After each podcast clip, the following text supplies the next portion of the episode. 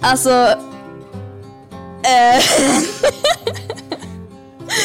mm, ehm, Hej på er! Visst blir man nyfiken. Vad är det som är så roligt? Jag vill veta och säkert ni också. Det är fortfarande en hemlighet, men snart ska vi visst få reda på vad det är som är på gång. Jag har hört att det ska vara något alldeles extra och något som passar oss alla. Det här vill vi bara inte missa. Så håll utkik på Salts sociala kanaler. Men nu, nu börjar nya poddavsnittet. Hej och varmt välkommen till Hemmasnack. I den här podden får vi lyssna på barns frågor om den kristna tron och svara på frågorna gör teologen Martin Helgesson. Vi hoppas att det här kan vara till inspiration för både föräldrar och barn till att prata tro i hemmet. Och det är SALT, barn och unga i EFS som står bakom podden. Välkommen till Hemmasnack.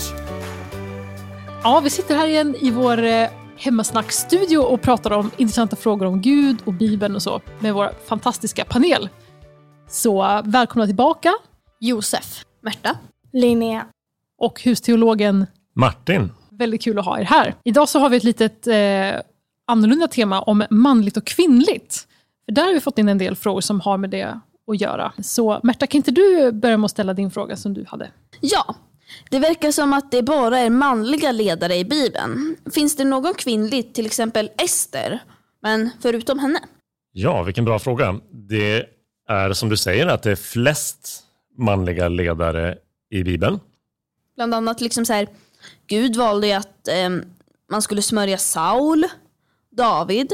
Varför valde han inte en kvinna? Det är en bra fråga. Allt det där som är annorlunda än hur det faktiskt blev, så att säga. Det är ju ännu svårare att svara på. Men jag tänker att det här är, kan man säga, en, en liten blandning av, ni vet, för, för något tag sedan gjorde vi ett avsnitt som handlade om ifall Gud är rättvis och vi pratade om krig. Och då sa jag att en, en av anledningarna till att Bibeln beskriver många olika krig är ju att det är som världen är. Och eh, någonstans känner vi ju också här då igen den värld som vi lever i, att många maktpositioner tenderar att innehas eh, av män snarare än kvinnor.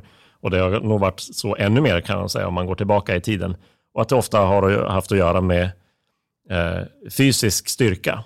Män har skaffat sig makt därför att man har hela tiden kunnat hota med våld och på det sättet har man hamnat i ledarposition. Men som du säger, du är själv inne på Ester, alltså det finns kvinnliga ledare och liksom starka eh, kvinnliga figurer i Bibeln. Vi har under en tid som domartiden, som är en av de mest kaotiska och förvirrade tiderna i, i eh, Bibelns historia, i domarboken.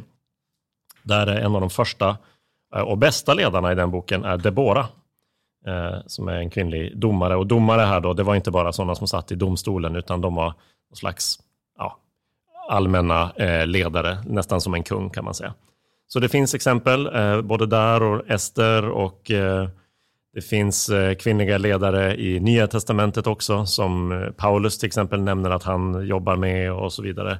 Eh, och det är faktiskt kvinnor som är de första som får berätta om Jesu uppståndelse. Eh, det som händer då är ju att männen inte tror dem, tyvärr. Men, eh, men Jesus och, och Gud hade inga problem att välja ut dem som de första vittnena till, till det största under han någonsin har gjort, nämligen Jesu uppståndelse.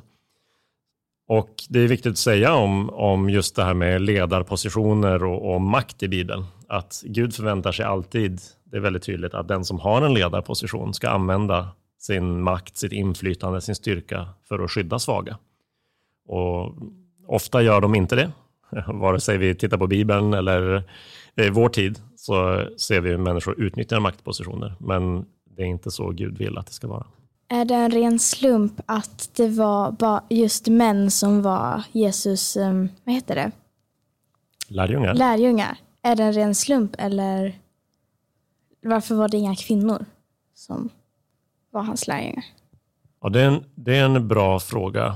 Eh, och jag är inte säker på att... Alltså, det, det, människor har gett lite olika svar som så att säga... Um, jag tror inte någon tänker att det skulle vara helt och hållet slump. Inte, om inte annat så för att det står att Jesus var uppe och bad hela natten innan han sen valde ut eller kallade sina tolv lärjungar. Eh, och, och, det kan ju såklart finnas olika skäl till det, kanske inte bara att han var osäker. En del tänker så här, Jesus var tvungen att välja manliga lärjungar därför att eh, ingen hade lyssnat på kvinnor på den tiden ändå. Så att även om Jesus hade valt kvinnliga lärjungar, då, då hade de inte kunnat göra sitt jobb. Därför att lärjungarnas viktigaste uppgift kan man säga, det var ju att vara vittnen om Jesus efter hans uppståndelse och att vara de, eh, den första kyrkans ledare och skriva böckerna som blev Nya Testamentet och så.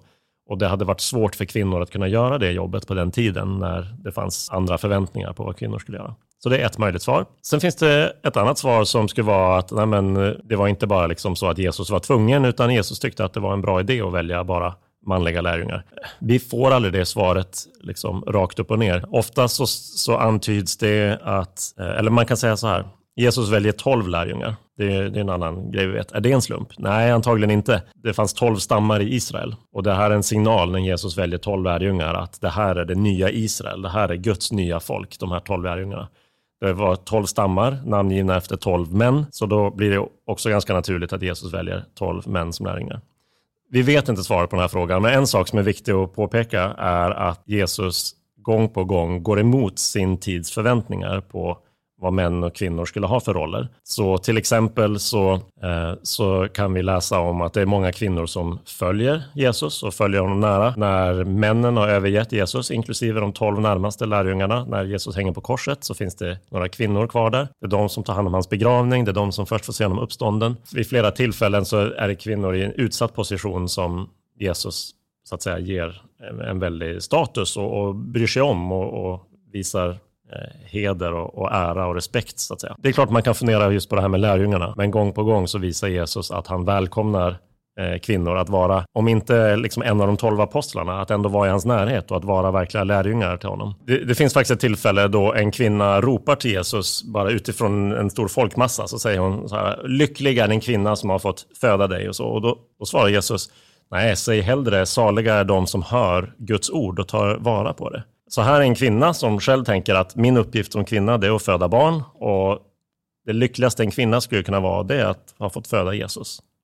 Ja, det, det är häftigt för Maria att få, få den liksom, speciella platsen. Men Jesus svarar, man är lyckligare om man tar vara på det jag lär er om vem Gud är. Och det gäller både män och kvinnor. Så Jesus visar där liksom att en kvinnas roll är inte alls bara att vara i hemmet och föda barn, utan hon kan vara lärjunge, kan lära sig om Jesus lika mycket som männen. Ja. Hur hamnade vi här? Det var, känns som ett långt svar och en lång eh, kringelikrok. Sorry. Ja, men det är temat eh, tema män och kvinnor. Ja, just det. Eh, och på det temat så har vi ju, hade ju du Linnea en fråga också. Vill du berätta vad du funderade över? Min fråga är, eh, vad vet man om Gud var man eller kvinna? Ja, då skulle jag säga att Gud är varken man eller kvinna. För man eller kvinna, det, vad har de gemensamt? De är båda människor. Men Gud är Gud först och främst, inte människa. Gud har inte eh, en kropp. Även om man i Bibeln beskrivs på många sätt. För att vi ska förstå Gud så talas det om Guds ansikte, det talas om Guds rygg, Guds armar. Det är ju liksom bilder för att vi ska förstå att Gud eh, är en person, alltså har ett ansikte vi kan titta in, att Gud har armar, det ska syfta på att Gud är stark. Men eh, Gud har inte en kropp som vi och är inte en människa som vi. Så därför har inte Gud ett kön, så att Gud skulle vara antingen man eller kvinna. Däremot så står det i Bibeln när människorna skapas att Gud skapade man och kvinna till Guds avbild. Att vi liknar Gud på något sätt. Inte som våra kroppar ser ut, men att både det som vi tänker som manligt och det vi tänker som kvinnligt på något sätt reflekterar hurdan Gud är som person. Så jag tror inte att Gud är, är varken eller. Gud, Gud eh, omnämns ju som eh, fader och Jesus var man. Det är tydligt. Men på något enstaka ställe så beskriver eller jämför Gud sig också med en mamma som inte kan glömma bort sitt barn. Så både det som är manligt och det som är kvinnligt återspeglar på något sätt hurdan Gud är. Hej! Du lyssnar på Hemmasnack och det är vi som är med i den här podden. Du har säkert också en massa frågor och de kan du mejla in så får vi ännu mer att snacka om. Skicka dem till hemmasnack.efs.nu och nu fortsätter vi avsnittet.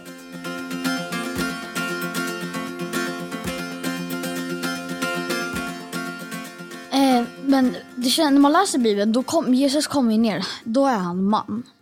Ja. Eh, och då kommer han ut som en man. Mm. Varför tror du att han valde just att vara man och inte kom ut som en kvinna? Var det för att man på den tiden inte alls lyssnade på kvinnor lika mycket som man gör nu? Det är en jättebra fråga och eh, jag är inte säker på att jag har ett, har ett bra svar på den. Mer än så, det är inte bara att Jesus, eh, för när Gud blir människa, då måste han ju då bli eh, man eller kvinna och han, Jesus var man. Men Jesus kallar ju dessutom Gud för sin fader, sin far, hela tiden. Um, jag tror, uh, och det är liksom därför vi uh, vanligtvis kallar Gud för fader också. Och det, det är naturligt att vi följer Jesus och, och kallar uh, Gud på samma sätt som Jesus gör. Men man kan samtidigt ifrågasätta, i och med att Gud inte är människa och inte har kropp och därmed inte har ett kön, så tror jag inte att den viktigaste poängen med att Jesus kallar Gud för fader är just att Gud skulle vara liksom manlig eller ha en manlig kropp, utan det handlar om att Gud har en omsorg och har en styrka och ett ansvar på samma sätt som en, en pappa, en far har det för sina barn. Eh, så att jag tror att vi ibland kanske associerar till lite andra saker än vad som är meningen.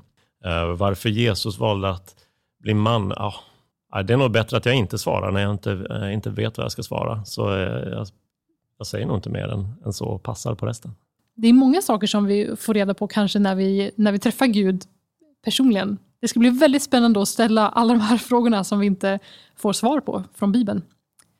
Så skriv upp dem. Ta dem. Så, sätt dem i fickan eh, när ni dör. Så. Precis. Ja, men på det här temat också med män och kvinnor eh, så funderar du Linnea på någonting mer om eh, både det som vi pratade om i förra avsnittet, om rättvisa och så, men också om det här med män och kvinnor. Ja, men jag bara tänkte liksom, är det rättvist idag med män och kvinnor i sammanhanget med Gud? Är det det eller är det inte? Liksom? Ja, det är en bra fråga. Nej, och, och svaret är väl att vi, vi ser vart vi än tittar runt om i, i världen eh, så ser vi eh, spår av eh, synden och ondskan och orättvisan och vi ser det i förhållandet mellan män och kvinnor inte minst. Men det, det, liksom, det är någonting som Bibeln talar om har infiltrerat varenda liten aspekt av livet. Men det syns inte minst där. Och faktum är att det verkar som att, eh, jag tror vi får en liten antydan, redan när de första människorna levde, eh, Adam och Eva, och de tog av frukten, synden kommer in i, i världen. Då säger, när Gud talar om vad som kommer hända nu, så, så säger han att eh, mannen ska råda över dig, kvinnan, som en, som en konsekvens av det här. En antydan åtminstone om att det kommer finnas liksom en maktkamp mellan män och kvinnor i historien. Svaret är att det, det finns mycket orättvisa i den dimensionen av, av tillvaron. Som jag sa innan då så är Gud väldigt mån om att de som har styrka, de som har makt ska använda den till att skydda de som är eh, svagare och eh, i Nya Testamentet så uppmanas eh, kristna män att älska sina fruar som Jesus har älskat oss. Och alltså offra sig själva, ge sitt liv, använda sin styrka för att liksom ge det och, och använda det som ett skydd av den som eh, kanske är mer utsatt eller svagare. Samtidigt så tänker jag att nu för tiden så tänker vi har, har vi lätt att se alla typer av skillnader som, ett skillnad, som en skillnad i värde. Om vi tänker att, alltså vi är lite rädda för tanken att män och kvinnor är olika därför att det blir så nära till hands att tänka att det ena är bättre eller sämre. Men det verkar för mig som att det är någonting väldigt gott att män och kvinnor eh, finns. Gud säger det är inte gott för mannen att vara ensam. Eh, och då skapar han ju en kvinna som är lite annorlunda istället för bara en killkompis till Adam. Alltså det är någonting gott att vi är olika, hur man ännu vill beskriva det. Man behöver varken överdriva att män och kvinnor är olika eller underskatta hur vi är olika. Det får man, varje person är unik och får man ju lära känna honom eller henne, eh, så att säga och inte ha förutfattade meningar så mycket. Men att vi överlag är lite olika är någonting som Gud verkar tycka är gott. Och jag tror att det är så vi skulle behöva tänka också och inte vara så rädda för att eh, varken individer är olika eller att män eller kvinnor är olika från varandra. Men, eh, men tyvärr så är det typiskt på något sätt den här världen att när det är olika så ska vi direkt peka ut något som bättre eller sämre och så uppstår den här maktkampen mellan män och kvinnor eh, och alla de här formerna av orättvisa som vi ser. Men varför tror du att män, männen, det är de som ofta eh, gör de här kriminella vålden och som kanske tar självmord så är det ofta mer män. Och när man kollar på skolan så är det ofta män som har lite sämre, typ, eh, vad säger man, betyg. Men medan kvinnor, de har väldigt sällan de tar självmord. Eller mer sällan än vad män gör. De har ofta bättre betyg än vad killar har. Eller när man kollar på en hel grupp liksom. Ja, precis. Precis, när man kollar på en hel grupp. Det är jättebra att du slänger in det, för det är som sagt, liksom det är skillnad mellan, eller det kan finnas individuella skillnader, men sen så kan man titta liksom generellt sådär.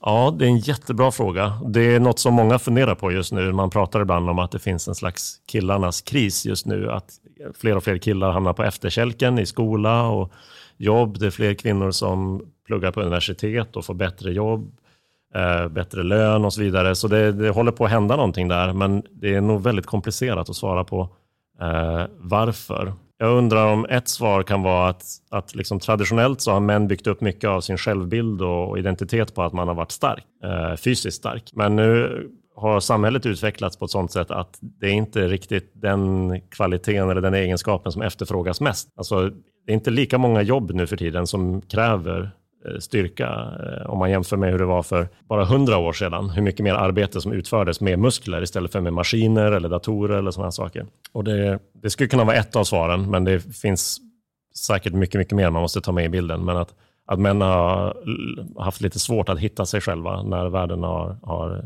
förändrats. Eh, och där är det såklart, jag tänker att, att Bibeln har en mycket bredare och djupare Eh, identitet att erbjuda killar och män än bara just att man ska vara stor och stark och att det är det som är viktigt. Det finns så mycket mer som är meningsfullt för en, en kille eller man att hoppas på att vara än bara det. Um, så där hoppas jag att vi kristna kan bidra med ett bra svar uh, till killar som söker efter en mening eller tycker det är svårt att hitta det och då liksom lockas att visa upp sin styrka, just som du nämner, genom uh, våld och andra kriminella handlingar. För det är ju inte svaret och inte lösningen.